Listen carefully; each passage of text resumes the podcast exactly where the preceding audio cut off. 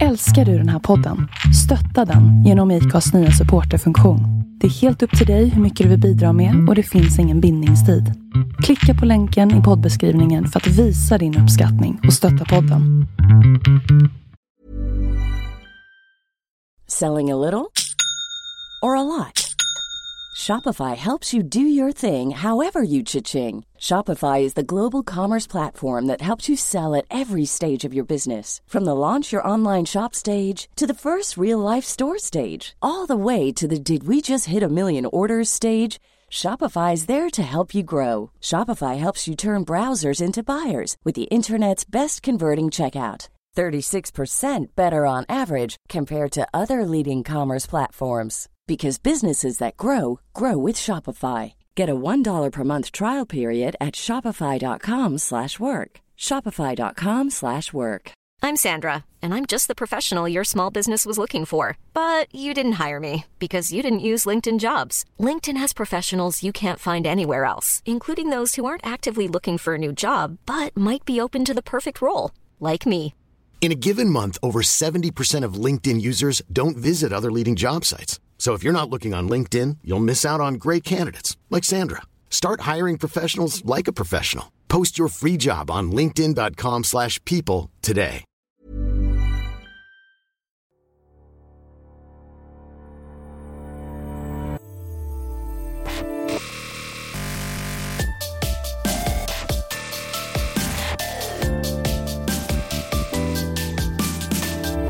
Hej och välkommen till det fjärde avsnittet av Bloggbusiness. En podcast från Better bloggers, Sveriges första yrkesnätverk för bloggare.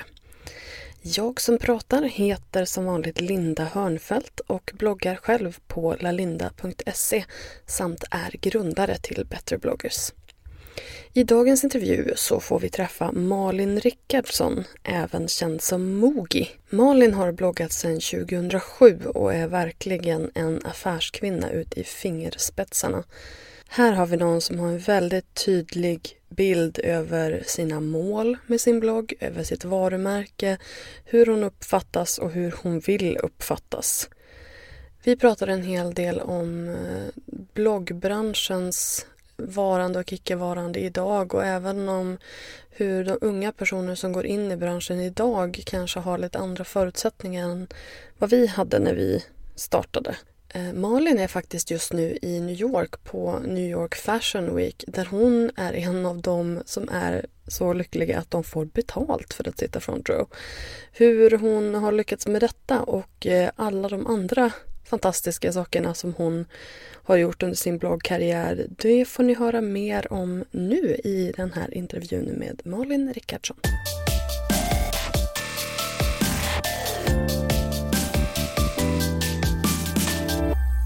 Hej och välkommen Malin Rickardsson, även känd som Mogis, men inte nu längre.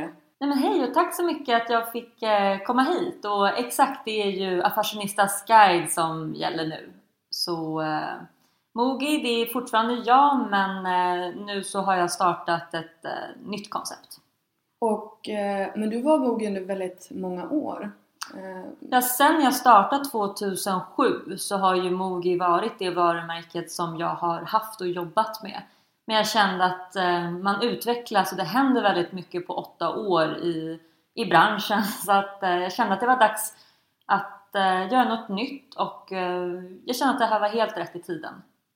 Vad roligt! Ja, alltså jag jag har sett den, den nya sajten och in och kikat den känns ju väldigt eh, eh, medveten. Alltså det känns som en väldigt medveten branding och eh, en väldigt medveten liksom, målgrupp åt vilket håll du har gått. Hur har du tänkt där?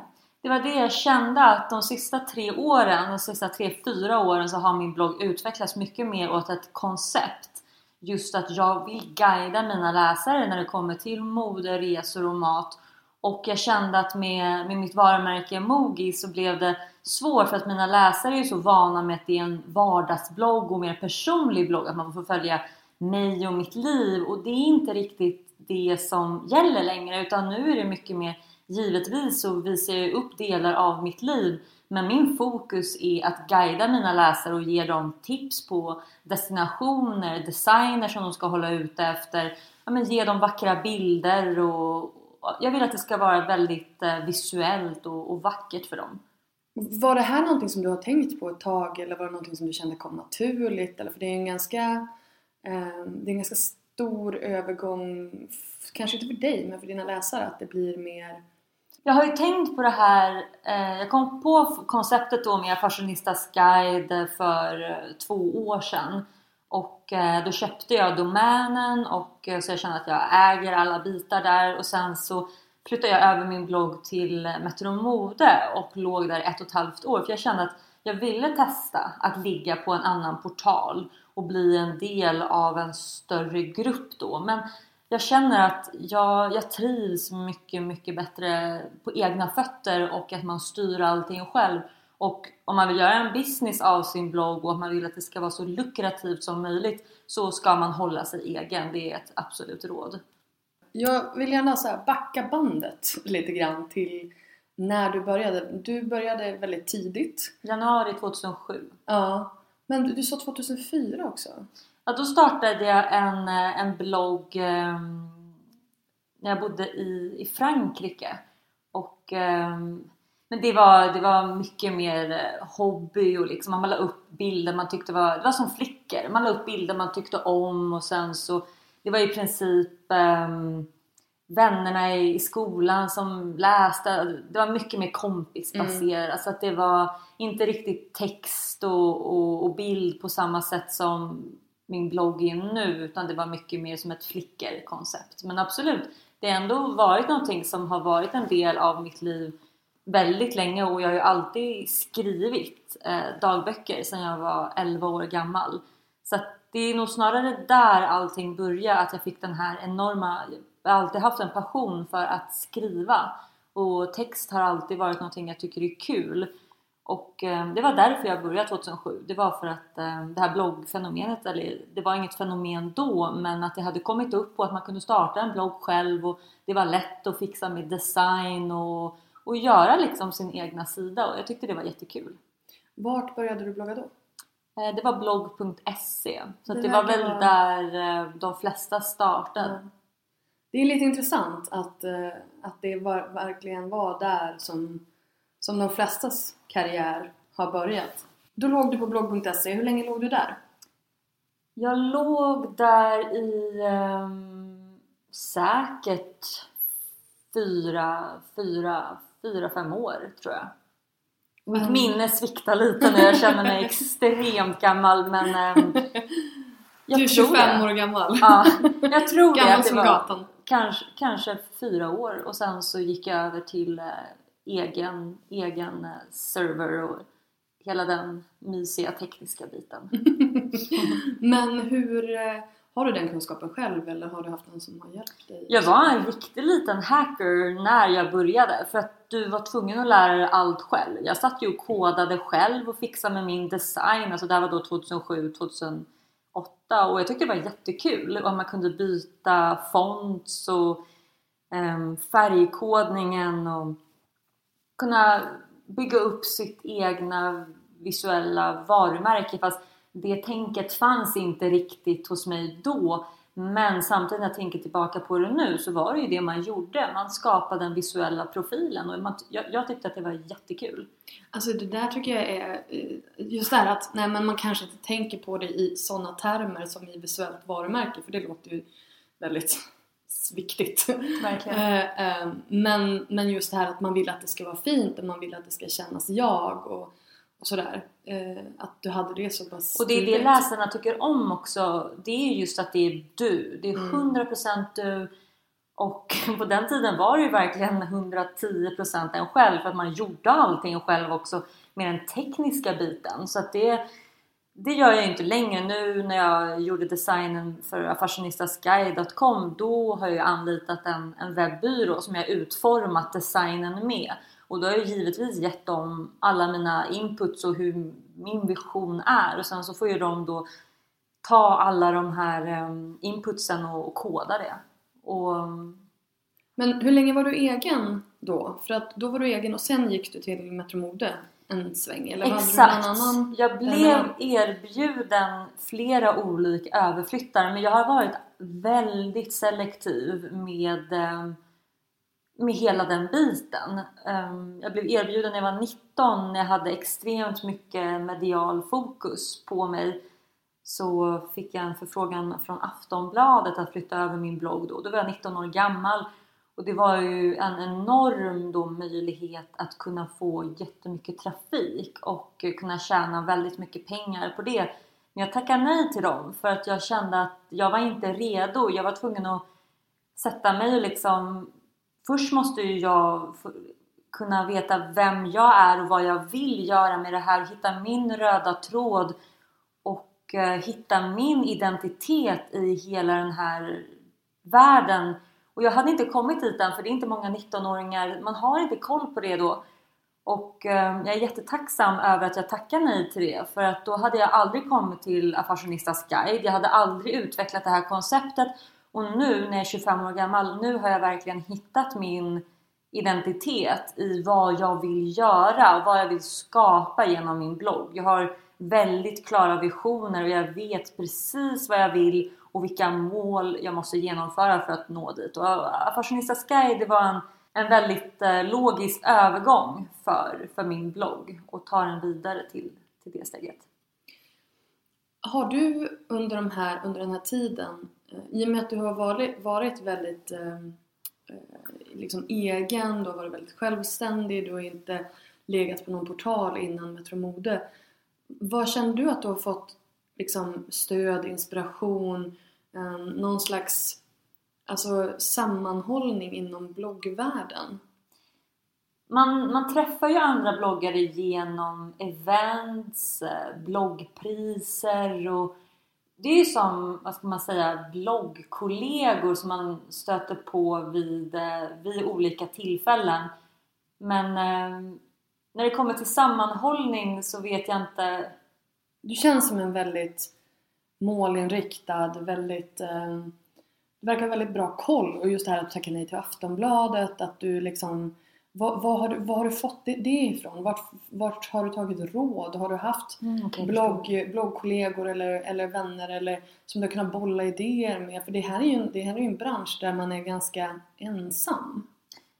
Som du säger så det är en väldigt ensam bransch Eh, att jobba som egenföretagare. Generellt sett så är det en ensam bransch. Och jag tror att jag har alltid varit väldigt, eh, alltid gått min egna väg. Och jag har varit så som person sedan tidig ålder. Jag minns när folk började ja, men, tjurröka bakom skolan i sexan. Och jag var alltid extremt emot rökning, jag var, var, var väldigt emot alkohol. Och jag är fortfarande, jag har aldrig testat att röka. Och absolut nu, nu dricker jag ju lite champagne vid givet tillfälle men eh, summan av kardemumman är att jag har alltid varit väldigt hård mot liksom vad jag står för och vad jag vill i livet och det är därför jag också har gått min egen väg.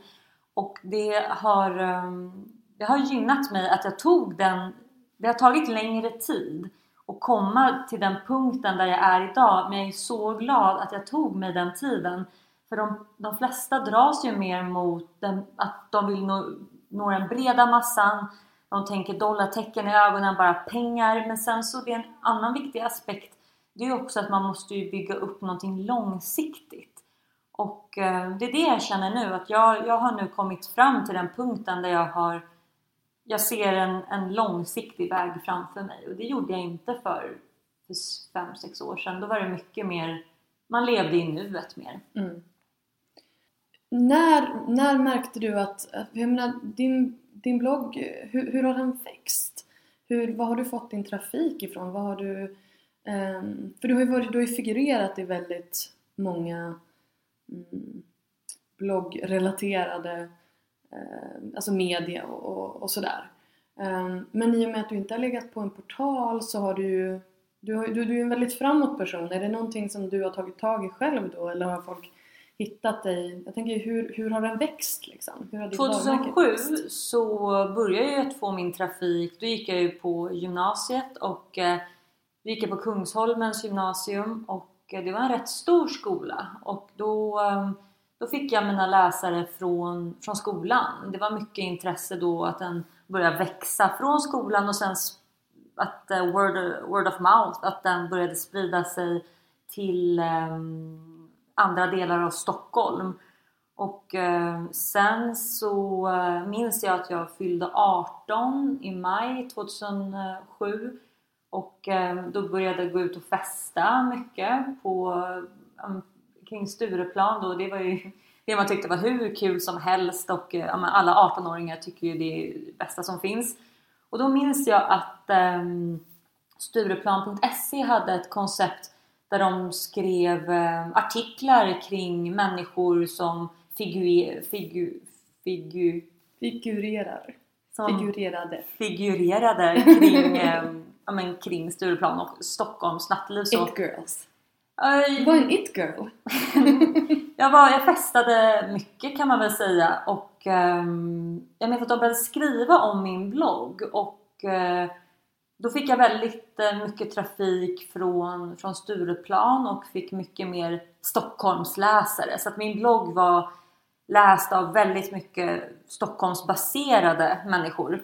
Och sen så eh, växte det på, eh, att det spred sig och sen 2008 kom eh, mediaboomen då med, med media att eh, tidningar och TV och radio började uppmärksamma bloggar. Så syntes det mycket då så fick det också mycket trafik genom eh, hela den här uppståndelsen då som, som skedde kring, kring bloggvärlden.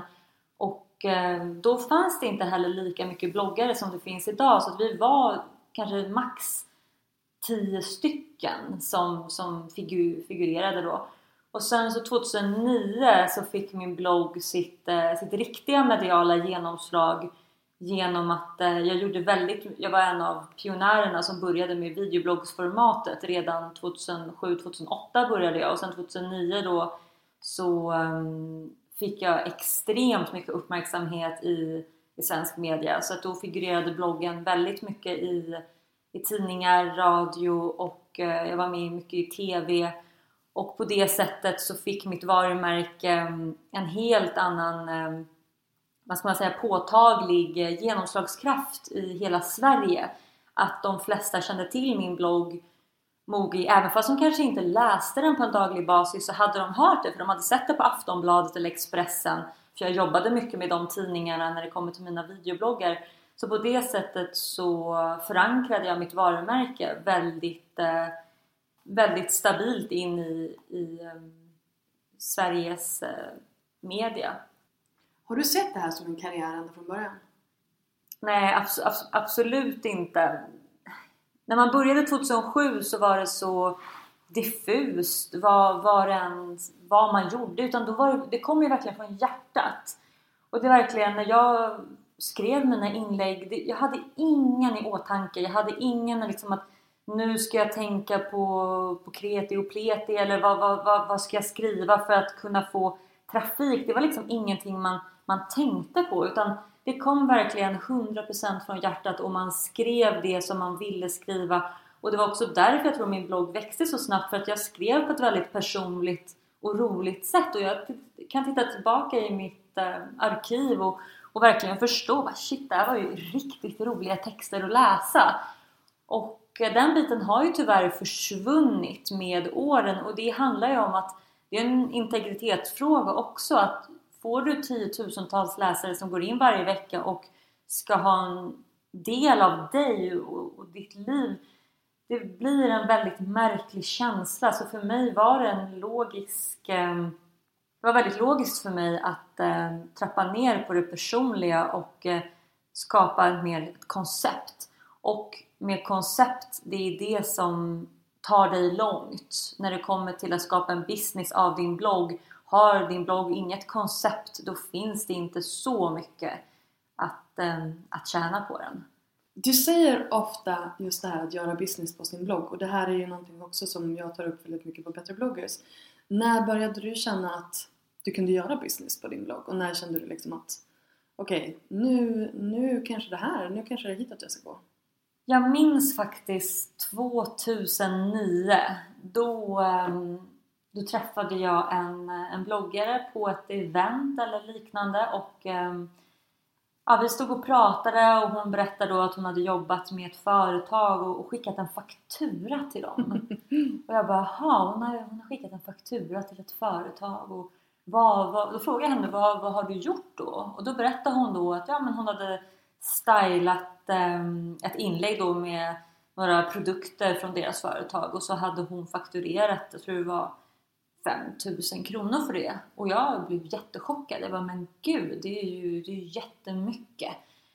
Um, och det hade inte jag tänkt på. För att det kanske är, har varit min nackdel att jag har inte varit pengafokuserad. Jag har varit så kreativt fokuserad och lagt allting på, på skapandet och glömt bort lite businessbiten. Och, Vilket de ehm, flesta gör. Exakt, och det tycker ändå jag är ett bra tecken för det betyder att man genuint brinner för bloggen och man faktiskt bryr sig. Exakt. Att man inte bara är en väldigt pengafokuserad person utan jag tycker det är fantastiskt nu att jag har märkt de sista åren att jag kan faktiskt tjäna pengar och börjar du kapa mellanhänderna så kan du verkligen hova in bra inkomster. Men tyvärr så har ju min blogg jag har ju jobbat med eh, annonsbolag och eh, där de har tagit upp till 70% av mina intäkter mm. och då snackar vi under sex års tid. Mm. Så jag har, jag har blivit, man blir total lurad när man är ung.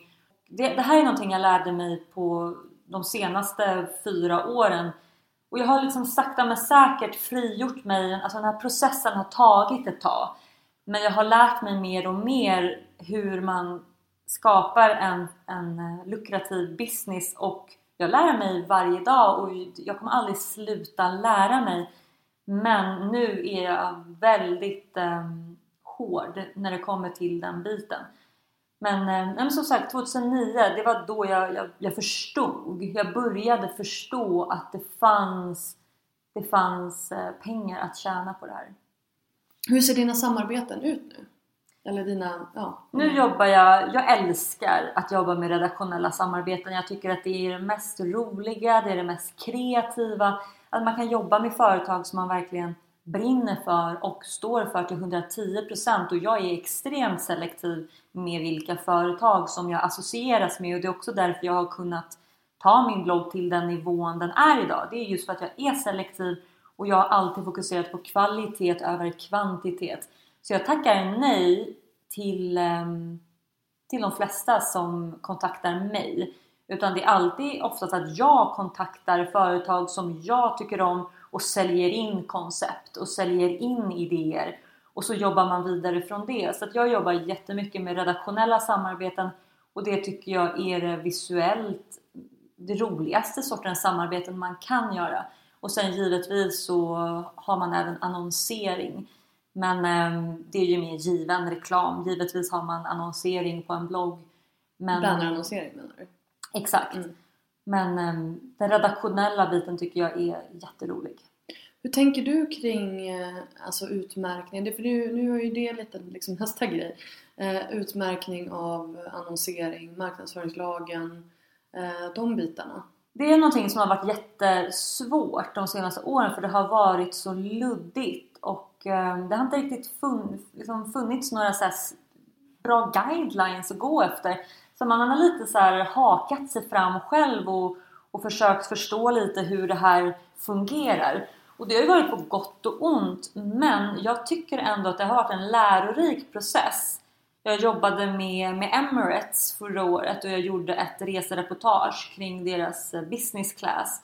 Och eh, då var det eh, några läsare då som, som anmälde mig till Konsumentverket för de tyckte att det var väldigt eh, luddigt om det var ett samarbete eller inte. Jag tyckte att det var klart att det var ett samarbete. Och eh, det här är ju någonting som gör att man, man lär sig extremt mycket och även fast det känns trist att det finns så, så, så mycket det finns så mycket bittra läsare och mycket avundsjuka. Det kan man inte sticka under stolen för min blogg den sticker också ut i mängden, speciellt i Sverige för att den är väldigt lyxig och high-end. Men det känns så trist då att att läsare ska gå till den längden att, att göra så. Bara, många gör det ju också för att jävlas. Och det är ju det är trist. Men jag, är alltid, jag håller mig väldigt positiv. Och jag, jag tackar dig för att jag, har, jag lärde mig jättemycket från att sitta med eh, toppadvokater och diskutera det här med eh, konsumentlagar och hur man ska agera på den här eh, delen av ens business och det, det gav mig jättemycket. Det här tycker jag är jättespännande. Vad, vad, vad kom ni fram till? Alltså, för att det, det där har jag ju pratat väldigt mycket om nu just det här att har du fått betalt för, för ett redaktionellt inlägg då ska det ju stå att det är antingen en annons eller att det är ett samarbete. Exakt! Och det, jag hade ju rätt i eh, den här frågan så att det var ju absolut ingen... Jag hade inte gjort några fel. Utan eh, i och med att jag fick inte betalt för ehm, att göra det här reportaget utan jag fick då en, en upplevelse som jag skulle skriva om. Jag hade inga förpliktelser till Emirates eh, att skriva något specifikt. Så att på det sättet så var jag helt fri och eh, om man får betalt, om jag hade blivit betald då kanske 40 000 kronor för att skriva det här reportaget då måste man ehm, skriva på ett helt annat sätt att det här är ett samarbete med Emirates. Men just som att jag var i någon sorts, det här samarbetet var en gråzon så var det då väldigt mycket frågetecken från då vissa läsare och sen så också då Konsumentverket samt mig. Jag var också ett frågetecken för jag förstod inte heller riktigt. Och det är det folk måste förstå att vi bloggare vi vet inte allt. Vi är inte liksom Jesus Christ. Alltså, jag tror inte ens Jesus Christ visste Nej, allting. Han, han och Konsumentverket de inte Nej men exakt. Så att, alltså allting det är en learning process och jag I'm learning by doing och det är det enda jag kan göra. Jag vet inget annat. Man, man är inte liksom man är inte felfri och så länge man är öppen för att lära sig och bara okej, okay, jag, jag, jag kunde varit tydligare i det i samarbetet. Då lär jag mig det och så går jag vidare. Jag håller helt med dig för att det är ju, men det är ju det, det är, det är väldigt mycket gråzon, det är väldigt mycket, jag satt och pratade med, eh, hade ett långt samtal med Skatteverket förra, ja i veckan och just det här för att jag ska skriva artiklar för Better bloggers och, eh, och hon var ju också lite så här Ja, nej men det här måste jag kolla upp och här är lite gråzon och här är lite så här. Så det är fortfarande en hel del oklarheter. Men jag menar, de saker som är solklara, då kan man ju följa dem och så sen kan man liksom lära sig as you go along. Därför att som sagt, det är en helt ny bransch. Det är ju först nu, jag menar du har tjänat pengar några år och jag menar Kinsa och Bella och de har tjänat pengar några år. Men det är ju nu, kanske det senaste året, som folk verkligen börjar tjäna pengar och bör, det börjar liksom det börjar gå över från hela den här PR-grejen till att okej, okay, nu ska vi köpa annonser. Och jag tror att både företag och bloggare välkomnar den förändringen. Jag älskar det, jag älskar det. Jag tycker det är så härligt. För jag tyckte att det var så jobbigt 2008, 2009, 2010, nästan 2011. Jag, jag, har hållit på ett bra tag. Så att, eh, okay, liksom, jag tyckte att det var en så jobbig period. Det här man jobbar jättemycket med PR-byråer, man fick saker och då hade man ju inga förpliktelser. Så att då men var det man hade förväntningar. Exakt, men det fanns förväntningar. Men då är det så här, läsarna bara har du fått det här eller inte? Och där satt man som ett frågetecken och man förstod ingenting. Man, vad, vad, vad ska jag göra? Jag, först, jag vet Nej. inte hur jag ska förhålla mig till det här. Ingen visste hur man skulle förhålla, förhålla sig till det. Och därför tycker jag att det är underbart nu att det börjar komma så klara riktlinjer hur man ska förhålla sig till allting. Mm. Jag älskar att det ska vara eh, klara, klara samarbeten, det ska vara öppet, det ska, jag tycker det är kul. Jag, tycker, jag är stolt när jag presenterar ett samarbete. Tycker jag att det är bara det här banne mig har jag jobbat hårt för. Jag har sålt men, in koncept, jag har eh, levererat eh, olika mm, idéer och och här kan jag liksom presentera liksom en, ett resultat av Mm. mitt hårda arbete. Så att, eh, jag har inga problem med det. Vad har du känt att du har fått för respons från dina läsare sen du började bli liksom tydligare med dina samarbeten? Mina läsare är ju väldigt härliga. De är ju väldigt så här, de är ju de som har hängt med. Det är ju lojala läsare som har alltid, jag har väldigt mycket positiva läsare. Jag har i princip bara 90% positiva läsare. Sen så har man kanske 10% ja, men lite, lite ko- konstiga små nättroll som, som kommer in på bloggen ibland och kommer in och gotta och störa sig på saker. Och de du, kommer, de du kommer, har ju en sån blogg som, som sådana personer liksom lätt stör sig på. Ja exakt, de kan gå igång på saker och Ja. det tycker de är kul. Så att de kommer alltid finnas där men mina läsare som är genuina och som verkligen har följt mig och som, eh, som älskar det jag skapar. De, eh, de har inte haft de har aldrig haft några problem. Mm. De har aldrig haft några problem oavsett vad jag har gjort. För jag tror att de känner att jag associeras bara med företag och eh, designers som jag står, står för till Det 100%. där, är ju, det där är ju nyckeln. Att så länge man gör samarbeten, sen ska man självklart följa lagen, men så länge man bara gör samarbeten som man kan stå för oavsett om de är betalda eller inte. Oavsett, eller liksom, så länge man tar upp varumärken i bloggen som, som man känner passar in där. Då kommer man ju aldrig ha något problem med sina läsare för att så länge man sätter deras Alltså så länge man sätter dem högst och ens egen integritet då tror jag att man kommer att gå vinnande ur det. Ehm, för det ser ju också annonsörerna. Speciellt på din blogg som har en väldigt high-end eh, profil så skulle ju inte kanske, säg Ralph Lauren, han skulle ju inte vilja synas där om du också gjorde reklam för poker. Exakt. Jag dissar poker i varenda podd.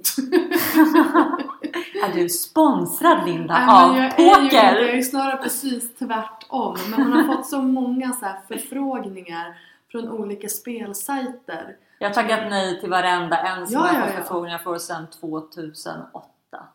Du skriver ju en blogg om liksom resor, mat, lyxprodukter och sådär. Det är ju väldigt mycket alltså pengar in, inblandade.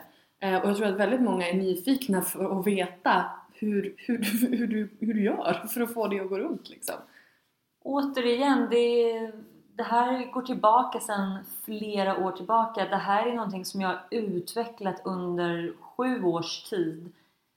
För att komma till den, den här punkten där jag nu de, kan jag verkligen känna att jag kan börja tjäna, tjäna stora pengar på det jag har byggt upp.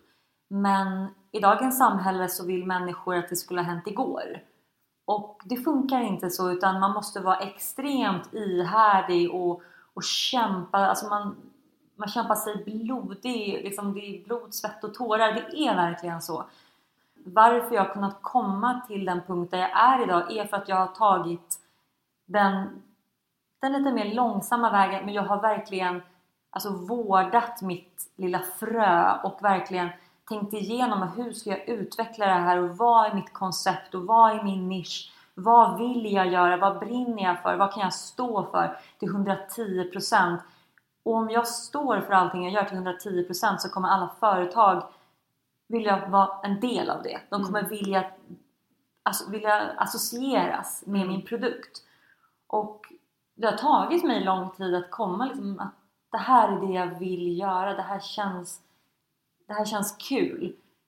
Och eh, det är nog den största missuppfattningen som folk har kring bloggar. Det är att, att det ska vara så, vad ska man säga, lätt och att det ska bara, det ska bara hända massa saker. Ja, men om man tittar på de bilderna som du har på din blogg och på det materialet som du producerar. Det är ju ingenting man gör i en handvändning. Nej, Det tar tid, det tar planering, det tar alltså... Ja, bara min kamerautrustning ligger ju på 45 000 kronor. Och det är ju en personlig investering som man gör. Så att de senaste åren, jag har ju gjort väldigt mycket personliga investeringar och det är det också som jag tror inte många heller förstår att för att bygga upp ett eget företag och för att skapa en business så måste du investera enormt mycket egen tid och egna pengar och de pengarna du tjänar investerar du i ditt egna företag igen. Så att det är inte så att jag har tjänat jättemycket pengar på min blogg utan jag har alltid investerat de pengarna i bloggen för att kunna ta den vidare och det är någonting som man också måste förstå att nu har jag kunnat komma till, till den nivån där jag kan börja skörda för eh, det hårda arbete som jag har lagt ner de senaste fyra, fem åren. Där jag verkligen har satsat när jag tog studenten från gymnasiet och sen så eh, 2010 så startade jag mitt eh, första företag då för bloggen. Sen gjorde jag om det till ett aktiebolag och ehm, man tar steg för steg. Men har du, har du kunnat leva på din blogg sen, sen du startade företag? Alltså sen du tog studenten? Exakt. Ja. Så när jag tog studenten så um, fick jag ju mitt mediala genombrott efter eh, bara fyra månader. Så det fick ju hjälper väldigt bra timing. Och um, då fick jag väldigt mycket um, stora kampanjer, bland annat från Ikea, från Sony Ericsson. Så då jobbade jag med väldigt häftiga varumärken och företag och, och tjänade mycket pengar på en väldigt kort tid. Och då förstod jag att det här är ju, eh, jag måste starta ett företag. Jag måste börja få in de här faktureringen i mitt företag. Och eh, sen dess så, så har jag jobbat vidare med, med utvecklingen av det. Mm. Hur, hur mycket besökare har du nu? För nu har du ju någon slags övergångsperiod också. Exakt, och det är det också det är det som är så spännande med ens eh, läsarkrets. För att jag har ju bloggat under, under åtta års tid snart. Så jag har ju en extrem kännedom kring mitt varumärke, mitt namn, min blogg. Och sen så måste man också förstå att mina läsare har ju vuxit upp med mig. Så att mina läsare som var 19 år, ehm, ja då för, för, 18, för 8 år sedan, men de kanske har, har barn, de kanske bor i, nu- bor i villa, de, de är uppemot 28-30 år gamla, de, de lever ett annat liv. Det måste man också förstå. Så att vissa av mina läsare kanske går in två gånger i månaden för de har inte tid, för de är mitt uppe i karriären eller så kanske de har fått barn eller är gravid. Och sen så får jag ju massa nya läsare och de går in mycket mer ofta och, och, och kollar på, på sin iPhone och sin padda, vad det är som händer. De är mycket mer aktiva. Eh, så man måste se in på alla de olika aspekterna vad för olika sorters ehm, läsare man har och vilka olika målgrupper man har. Så jag, jag brukar kolla, jag har ju då Google Analytics som jag har när jag analyserar och då kollar jag ungefär på en två månaders period hur många som har gått in. Och då brukar jag ligga på 150 till 160 000 följare. Och sen så om jag kollar på de sista två veckorna så kanske jag ligger på 45 000. Så att det handlar ju om att du måste förstå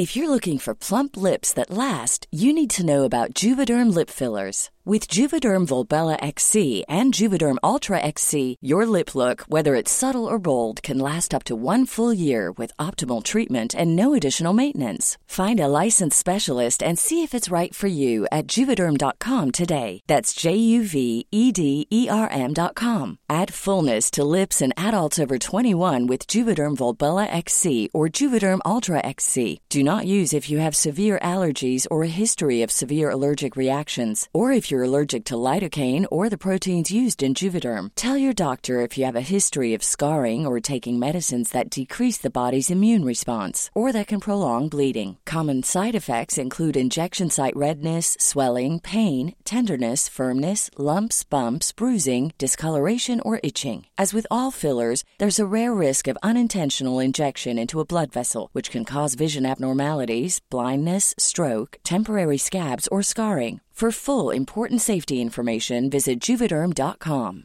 Hiring for your small business? If you're not looking for professionals on LinkedIn, you're looking in the wrong place. That's like looking for your car keys in a fish tank. LinkedIn helps you hire professionals you can't find anywhere else, even those who aren't actively searching for a new job but might be open to the perfect role. In a given month, over 70% of LinkedIn users don't even visit other leading job sites. So start looking in the right place. With LinkedIn, you can hire professionals like a professional. Post your free job on linkedin.com/people slash people today. Wow. Nice. Yeah. What you're hearing are the sounds of people everywhere putting on Bombas socks, underwear, and t-shirts made from absurdly soft materials that feel like plush clouds. Yeah, that plush. And the best part? For every item you purchase, Bombas donates another to someone facing homelessness. Bombas. Big comfort for everyone. Go to bombas.com slash ACAST and use code ACAST for 20% off your first purchase. That's bombas.com slash ACAST. Code ACAST. förstå, du måste förstå dig på din läsare och din målgrupp och, och förstå att alla är ju liksom i olika faser av sitt liv. Alltså du är, ju, du är ju otroligt imponerande i ditt business. Eh, Du har ju liksom, du har ju verkligen koll på din din business, på, din, på ditt varumärke, på din roll som affärskvinna. Jag vet inte riktigt vad jag vill komma med det, jag ville bara säga det. Tack! Ehm, Keep it coming! well I could go all day. Eh, men nu när du ligger på egen domän igen. eh, hur ser ditt... och du sa att det var en webbyrå som hade byggt den. Men ligger du hos någon typ tailswip eller någonting? Har, eller har du den, kör du den själv? Jag har eh, två säljare på säljbolag som, ehm, som säljer eh, för min blogg. Ehm, då annonsering och sen också redaktionella samarbeten.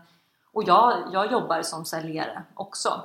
Jag jobbar inte som säljare men Du man- säljer för dig själv? jag har ju väldigt många olika hattar. Ja. Och eh, jag gör allt från eh, planerar projekt till planerar resor till eh, bygger fram samarbetsförslag och koncept. Så jag, man gör inte bara en sak. Man gör väldigt många olika saker i sitt företag och det tycker jag är kul. Så att det är absolut ingenting som jag har någonting emot.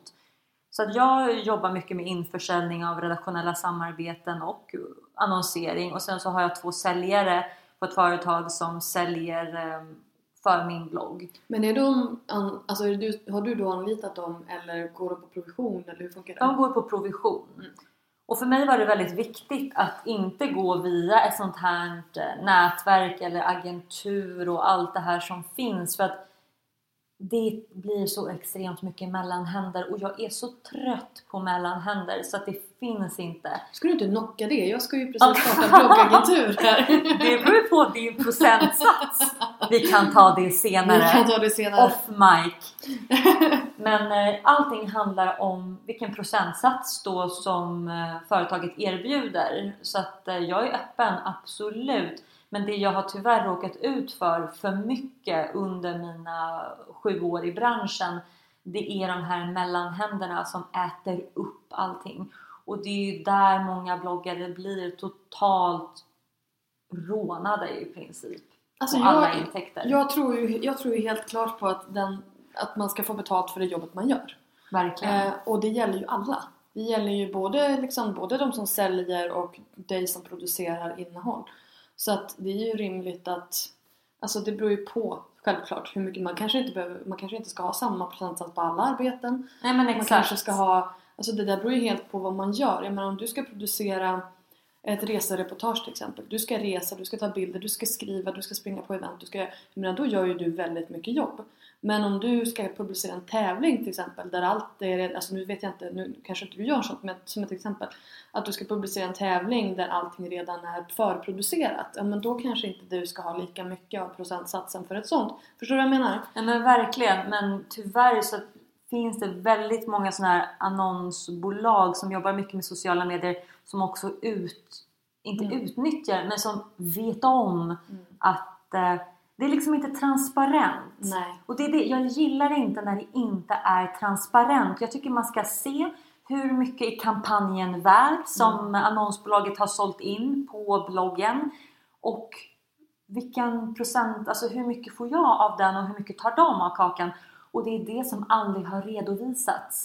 Och det är det jag tycker är fel. Det ska vara transparent och det är det jag är så glad över nu är att de jag jobbar med nu, det är, to- det är totalt transparent allting. Och då känns det kanon. Och det är det som är mitt största råd till både företag och till bloggare. Kräv att det ska vara transparent. Du ska se allt. Och se till att ni följer de regler och lagar som finns. Därför att jag menar, nu finns det ju det är mycket företag som ploppar upp som gör, gör um, Instagram-annonsering.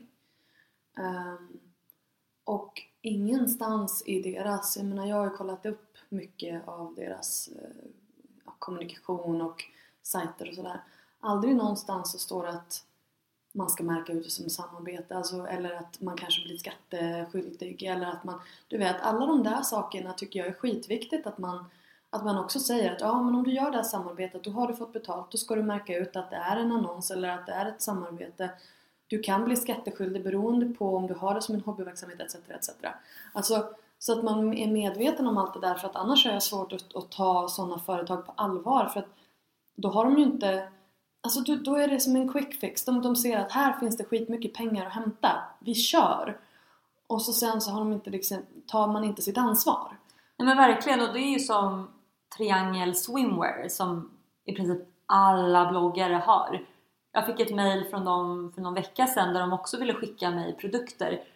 Och jag, jag tackar nej för att eh, jag tycker inte att eh, deras profil riktigt passar. Sen, sen, sen, så tycker jag också att jag tycker det känns fel för att de är inte, det känns inte öppet. För att alla bloggare som jag har sett som har på sig de här Triangle Swimwear Ingen skriver att de har fått den. Inte Ingen skriver den skriver den informationen och då tänker jag, ja, men varför gör de inte det? Det här är ändå liksom ett, ett företag som tjänar väldigt mycket pengar. Sen undrar jag att, alltså, har, att de skickar ut de här, okej, okay, ja men då, det kan jag väl liksom just det här att om det är ett pressutskick, då är det ett pressutskick och då, då behöver man inte skriva ut att man, att man har fått det. Det är schysst att göra det men, men det är inte liksom enligt lag. Men hur får man så många bloggare att skriva om samma sak om man inte betalar någonting för det? Men er, de erbjöd ju inte något betalt utan de ville bara skicka Men de ville bara skicka ut eh, prover. Ja. ja men de, vissa kanske, de kanske kör på det. Alltså många bloggare kanske fortfarande kör på det. Ja, och jag, jag, tycker bara att eh, nu är det 2015, jag är stenhård och ja. Eh, därför tackar jag nej. Och jag tycker att um, fler borde nog tänka en, två, tre gånger innan de bara tackar ja till, till allting. För att sen så påverkar inte det varumärket bra heller. För att läsarna är ju inte dumma, de är ju smarta, de fattar ju, de förstår ju precis liksom Precis som vi sitter och pratar här nu, jag menar man fattar ju att det är ja, någonting i görningen. Ojsan hoppsan, 20-25 olika bloggare har på sig bikinis. Ja. Eh, vilket coincidence från exakt samma märke. Mitt i vintern. Inom loppet av några veckor. Mm. Mitt i vintern. Nej men exakt. har vi någon röd tråd här? Ja, ja, det finns en väldigt röd ja. tråd. Ja. Och äh, läsarna är inte dumma, de förstår. Och då tror jag att de tappar, så, ja, bloggaren känns ju väldigt köpt då. Ja. Exakt, och skriver man då inte ut att man är köpt, då tappar man den respekten från sin läsare. Ja men exakt, då tappar man ju verkligen och det är därför jag tycker att varför, för att det är ändå vissa stora bloggar, varför skriver de inte då bara mm. att det här är... Men du fick det från en PR-byrå eller fick du det från Nej, dem? direkt från dem. Direkt från dem. Ja, men då är alltså, och där är det ju också så här mycket grejer som företag gör själva, de har inte koll. De bara kör och de tycker att de har vunnit jättemycket på den här grejen. De har fått jättemycket exponering. Vilket de har och de får säkert jättemycket ökat sälj. Men hos de som har koll på branschen så tappar de respekt. Och då är, då är det ju som du säger, att tänka lite långsiktigt. Det här var ju en one shot, vad gör de nästa gång? Det är det, det. Folk måste... Det är verkligen det jag vill få ut där. Tänk långsiktigt gör en, liksom en, en vision för framtiden. Vart du strävar liksom att komma, vad du vill. Vad, vad vill du... Om man tar sin blogg seriöst och verkligen jag, jag satsar på det här, jag vill verkligen bygga någonting på det här. Sen, vissa kanske inte gör det, de kanske inte tar och det. är helt okej. Okay. Det, det, är många som, det, är, det är jättemånga som har det som en hobby och jag menar, och det är helt okej okay också men det är ändå bra att vara medveten om sådana här saker Ehm. Um... Ja, speciellt om man verkligen satsar på bloggen och verkligen det här vill jag utveckla. Jag tror verkligen på min blogg och jag tror på det jag gör. Då tycker jag verkligen Sätt dig ner, skriv upp en, eh, en mållista och dina visioner, vad du vill göra. Och det kommer inte hända imorgon, det kommer inte hända i övermorgon. Det kommer hända om kanske... Du kanske börjar märka resultat om ett år, ett och ett halvt år. Så att det handlar om att vara uthållig och tyvärr så är inte många det utan de vill ha allting på en gång och det funkar inte så. Nej. Men sen känner jag också att det här är någonting som är viktigt för alltså alla bloggare, åtminstone alla bloggare som finns på den nivån så att de får pressutskick och sådär. Så att alla går ihop och har samma kunskap och inte, inte liksom putta varandra under bussen. För det blir ju lite så, om man inte står tillsammans så, så blir man svag. Alltså bloggbranschen skulle kunna vara hur stark som helst och skulle verkligen kunna liksom bygga upp någon slags alltså styrka i, i sina riktlinjer och i vad man vill någonstans. Men då måste man vara enade. Ja, men verkligen, jag håller, jag håller med till fullo. Ja, vad bra. Gud, alltså mitt vänsterben stensomnat. Hello! Eh, Vad vill du se hos Better bloggers som, eh, som bloggutbildande?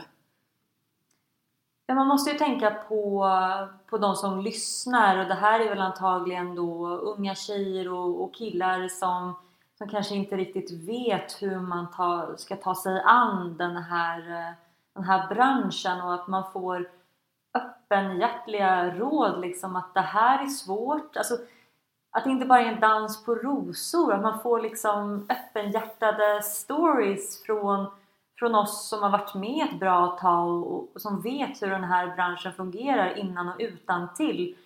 Och att man liksom inte sugarcoatar utan man, man berättar som det är. Det är svårt, det är um, extremt mycket hårt arbete, det är, det är stressande många moment och men samtidigt också så måste man ha den här liksom genuina brinn, alltså kraften inifrån som, som tar en framåt för att kunna orka hålla ut tills man kan börja skörda. För att det här är fantastiskt roligt och jag, jag tycker att det är underbart att kunna jobba liksom med ens passioner men jag tror att många kanske måste få en liten liksom reality check också.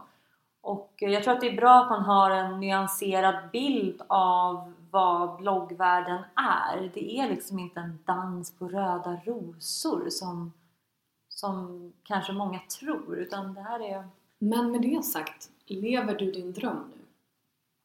Nu kan jag säga att jag är på väg dit. Jag är på väg mot min dröm. Och ehm, det här är någonting... Alltså det är så absurt när man tänker på det, att jag har vuxit upp. Alltså jag var, när jag började när jag var 17 år gammal, man var så liten. Alltså jag var så extremt fjuttig. Och det här perspektivet man får, och tyvärr så man växer upp för fort. Eh, Jag har vuxit upp mycket snabbare än vad jag tror jag hade gjort om jag inte hade haft en blogg, om jag inte hade varit offentlig. Och jag är, jag är tacksam över min blogg och den, den självinsikten den ger och hur den får en att mogna och bli väldigt, eh, väldigt ödmjuk. Ehm, Hur tänker du kring de som, när du började blogga då var ju eh, alltså bloggen rent tekniskt var ju väldigt färsk och även som eh, fenomen. Men de som börjar blogga nu, de är ju 12, 13, 14 år. Hur tänker du kring det? Ja, att bara att penetrera det här mediaflödet och mediabruset av bloggare. Det är ju otroligt svårt. Så att det är ju extremt viktigt att du har en nisch. Alltså du måste ha ett väldigt eh, tydligt koncept med vem du är, din, din profil. Ehm, för att kunna stå ut. För att det är sån extrem konkurrens. Jag håller just nu på att eh, jobba mot en internationalisering av min blogg. Så att jag konkurrerar ju just nu mot hela världens bloggelit. Och den biten är väldigt, jag tycker att det jag älskar utmaningar så jag tycker det här är hur spännande som helst och jag, jag tycker det, det ger mig en sån kraft.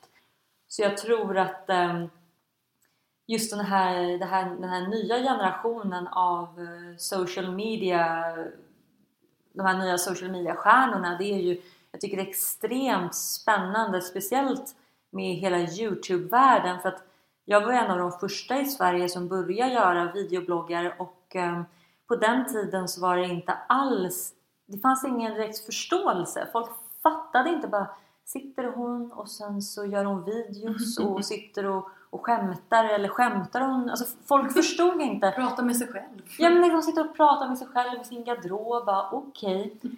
Men det här var ju bara liksom mitt sätt. Jag har ju alltid älskat att få mina vänner att skratta. Jag har alltid varit en väldigt, jag, jag, jag gillar att sätta ett leende på människors läppar och få dem att skratta.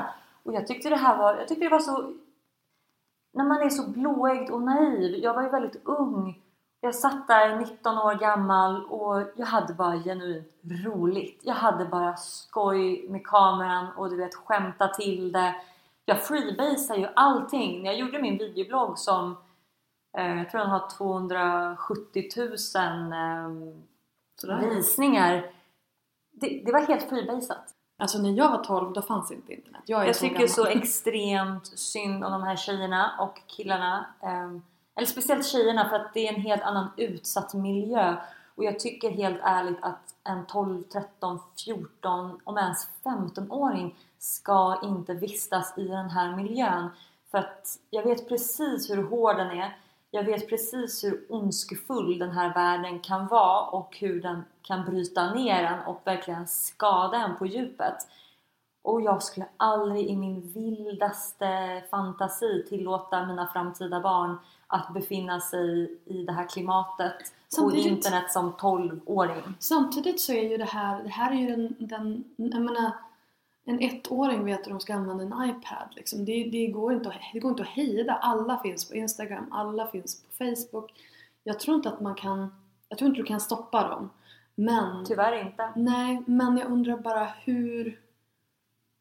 Alltså, hur, alltså jag vet inte, det här är en, en alldeles för stor fråga för att ta här. Men just där, det här näthatet, hur man kan tro att det är okej att säga vad som helst till vem som helst på internet bara för att de finns där.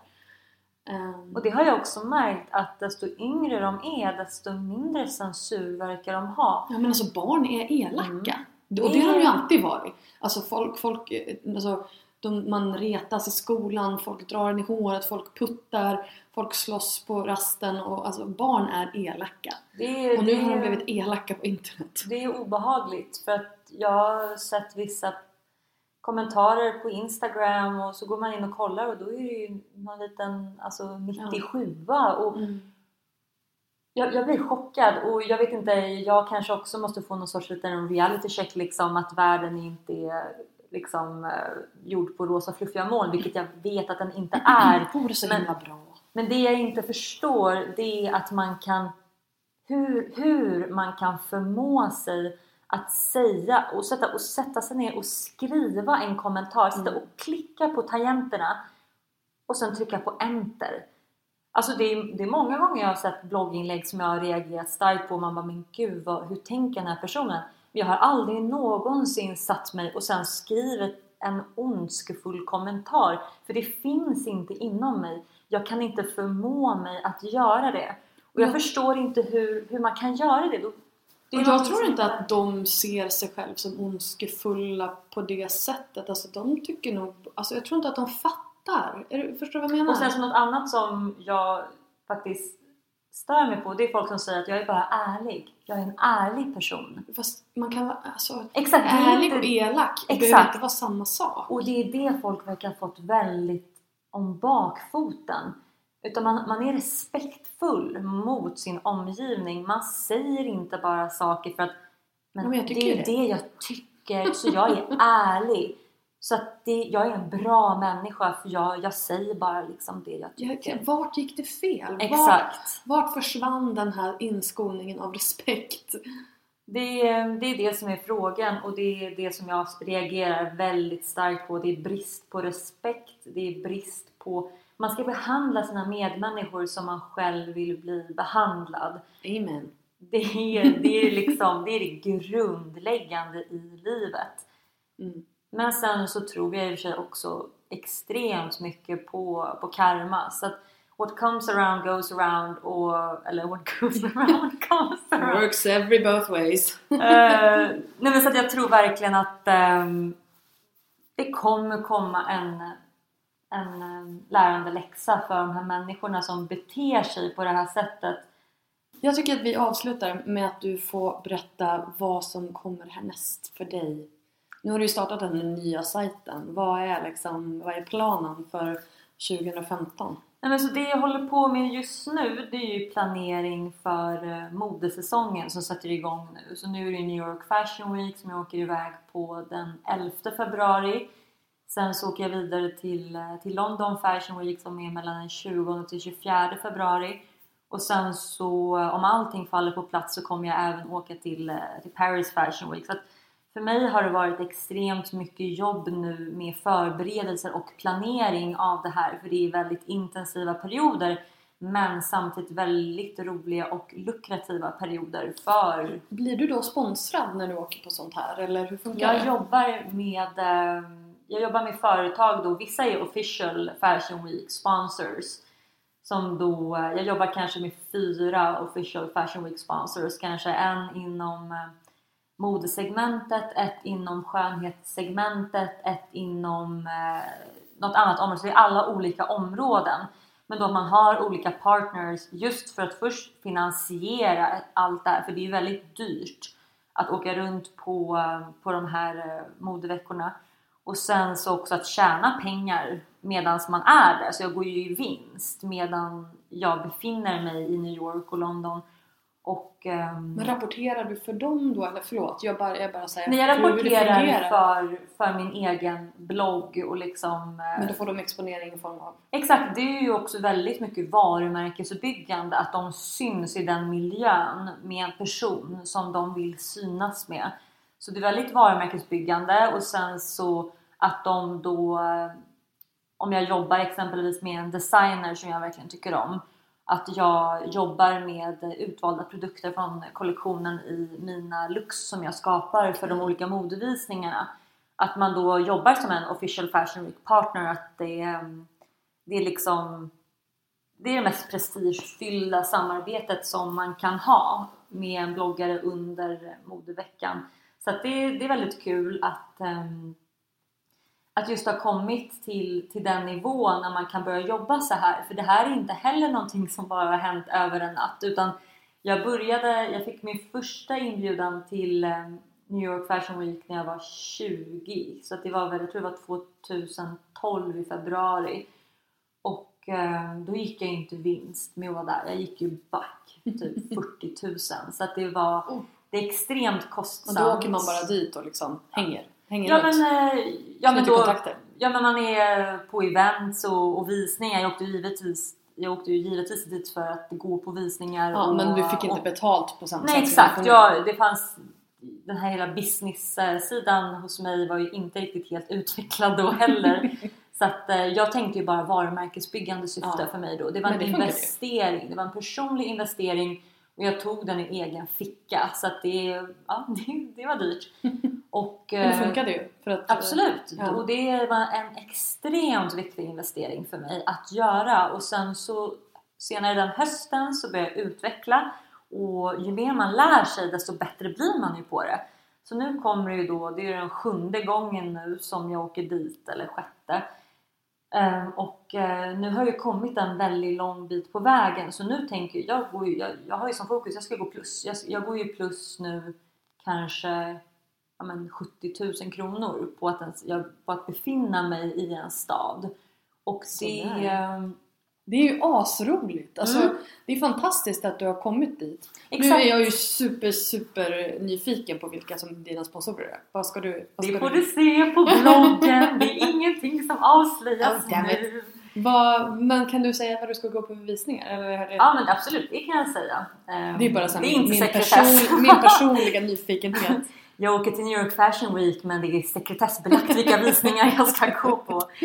Jag kommer att rapportera från eh, Ralph Lauren, eh, Michael Kors, Tommy Hilfiger, Millie, Jenny Packham.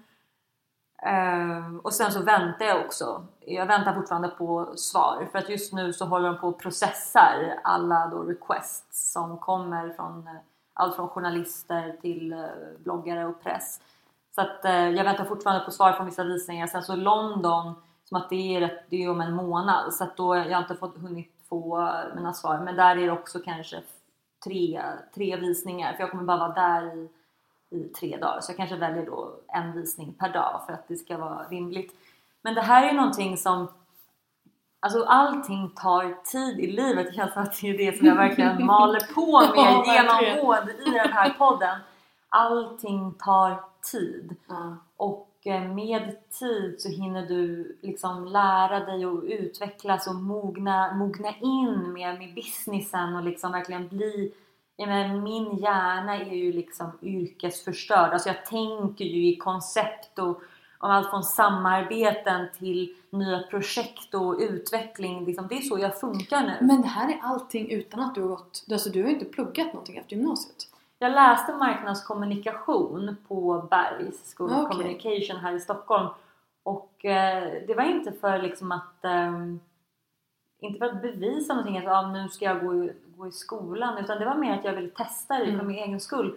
Och när jag satt där i skolbänken så det var liksom som att poletter föll ner. Jag bara, men gud, när jag gjorde den där kampanjen med det företaget, exakt det var så vi gjorde. Det var ju det här Ja, jag exakt, då gjorde. pitchade jag eh, den idén och sen så gjorde vi den marknadsanalysen Ja. och sen så hade vi den kommunikationen.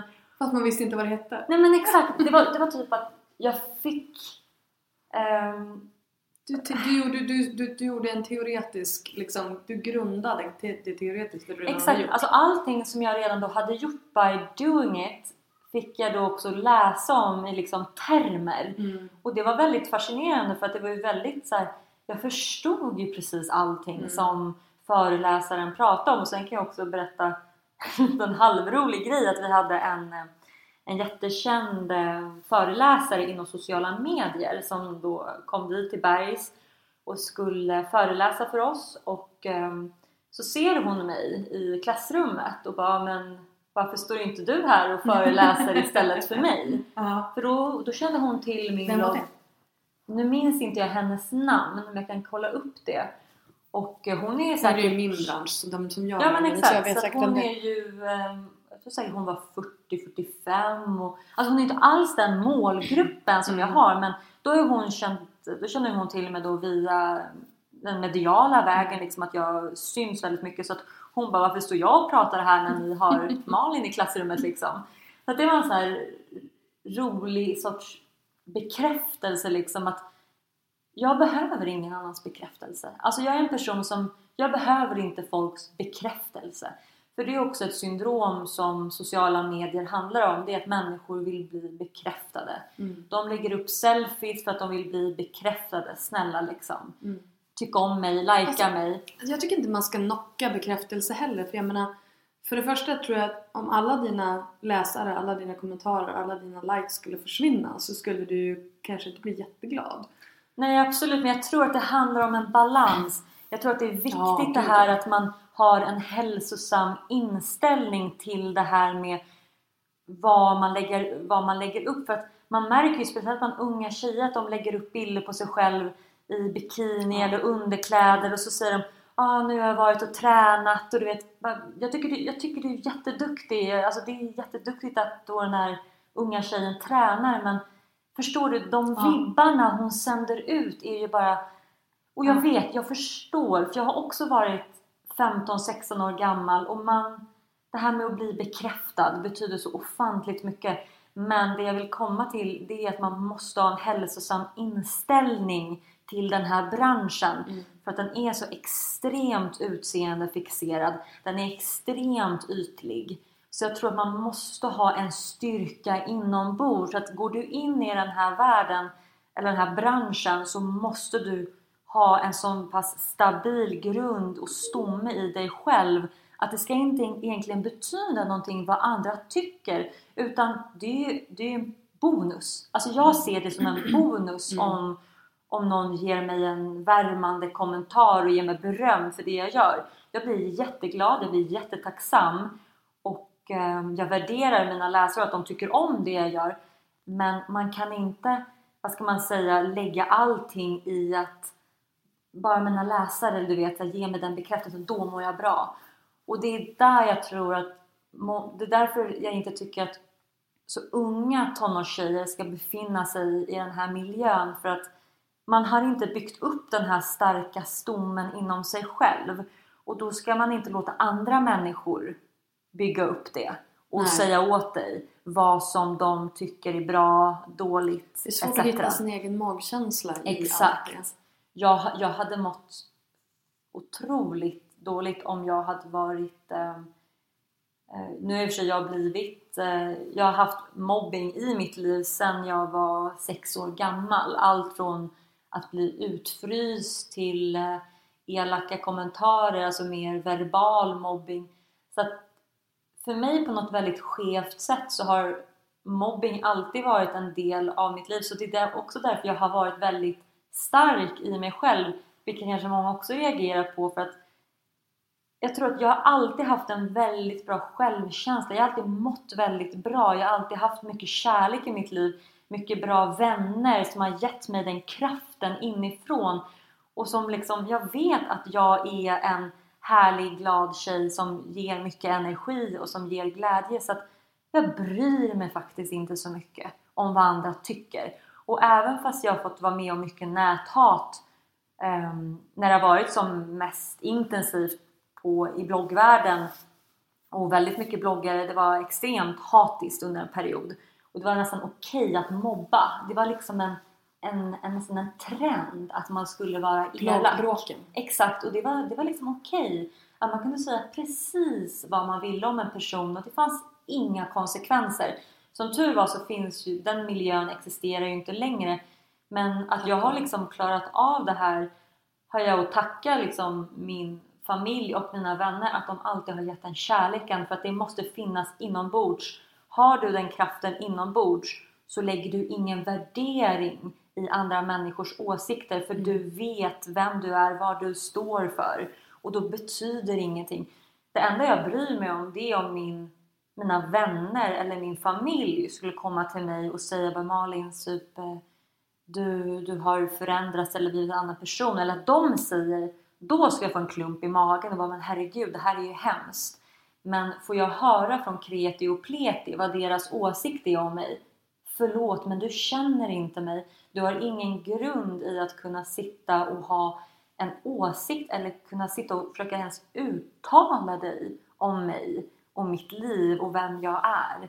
Så att jag tror att det är väldigt viktigt att man ska kunna liksom dra de här gränserna liksom och det här är min det här är mitt jobb och sen så liksom mitt privatliv. Så att man inte du vet, sammanför dem för mycket och det är därför det har varit väldigt viktigt för mig med integritetsfrågan. Att jag skyddar mina vänner, jag skyddar min familj genom att inte visa upp dem på bloggen. För jag tycker faktiskt att det har ingenting med saken att göra. Det här är liksom en business och det är någonting som jag står för. Det är jag som exponerar mig för de här tiotusentals människorna som går in och läser. Det är inte mina vänner och det är inte min familj som har valt att vara offentliga. Vad skulle du säga är eh, dina tre bästa råd till de som vill driva sin blogg som en business?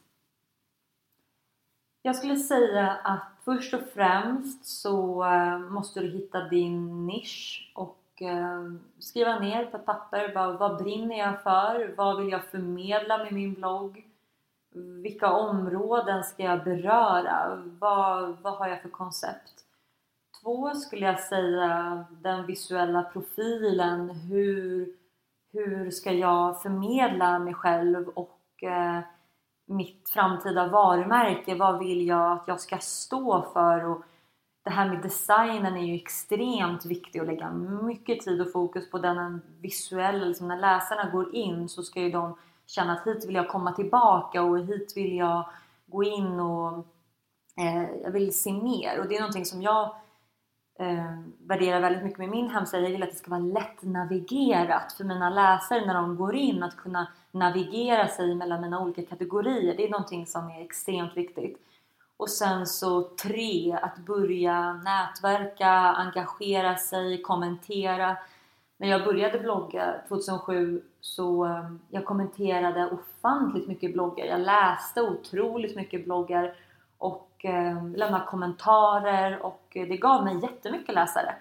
Så att, att synas och att börja Läsarna kommer inte bara trilla in. Du måste bjuda in dem till att upptäcka dig. Det, är liksom, det regnar inte manna från skyn.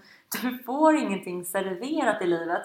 Så det är väldigt viktigt att man ska vara hungrig.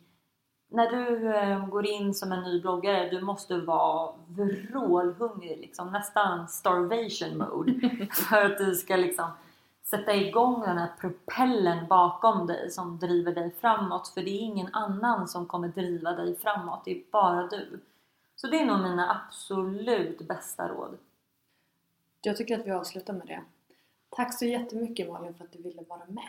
Tack för att jag fick komma till min egen lägenhet.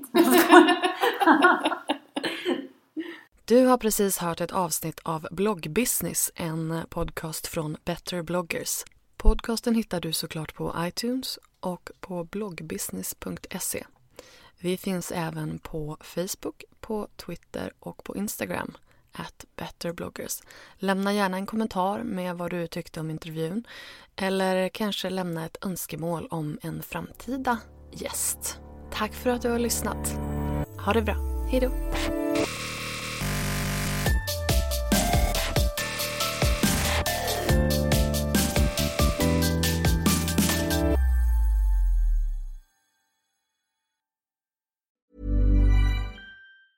Normally, being a little extra can be a bit much, but when it comes to healthcare, it pays to be extra. And United Healthcare makes it easy with Health Protector Guard fixed indemnity insurance plans. Underwritten by Golden Rule Insurance Company, they supplement your primary plan, helping you manage out of pocket costs without the usual requirements and restrictions like deductibles and enrollment periods. So when it comes to covering your medical bills, you can feel good about being a little extra. Visit uh1.com to find the Health Protector Guard plan for you. Even when we're on a budget, we still deserve nice things. Quince is a place to scoop up stunning high end goods for 50 to 80% less than similar brands. They have buttery soft cashmere sweaters starting at $50, luxurious Italian leather bags, and so much more. Plus, Quince only works with factories that use safe, ethical, and responsible manufacturing. Get the high-end goods you'll love without the high price tag with Quince. Go to quince.com/style for free shipping and 365-day returns.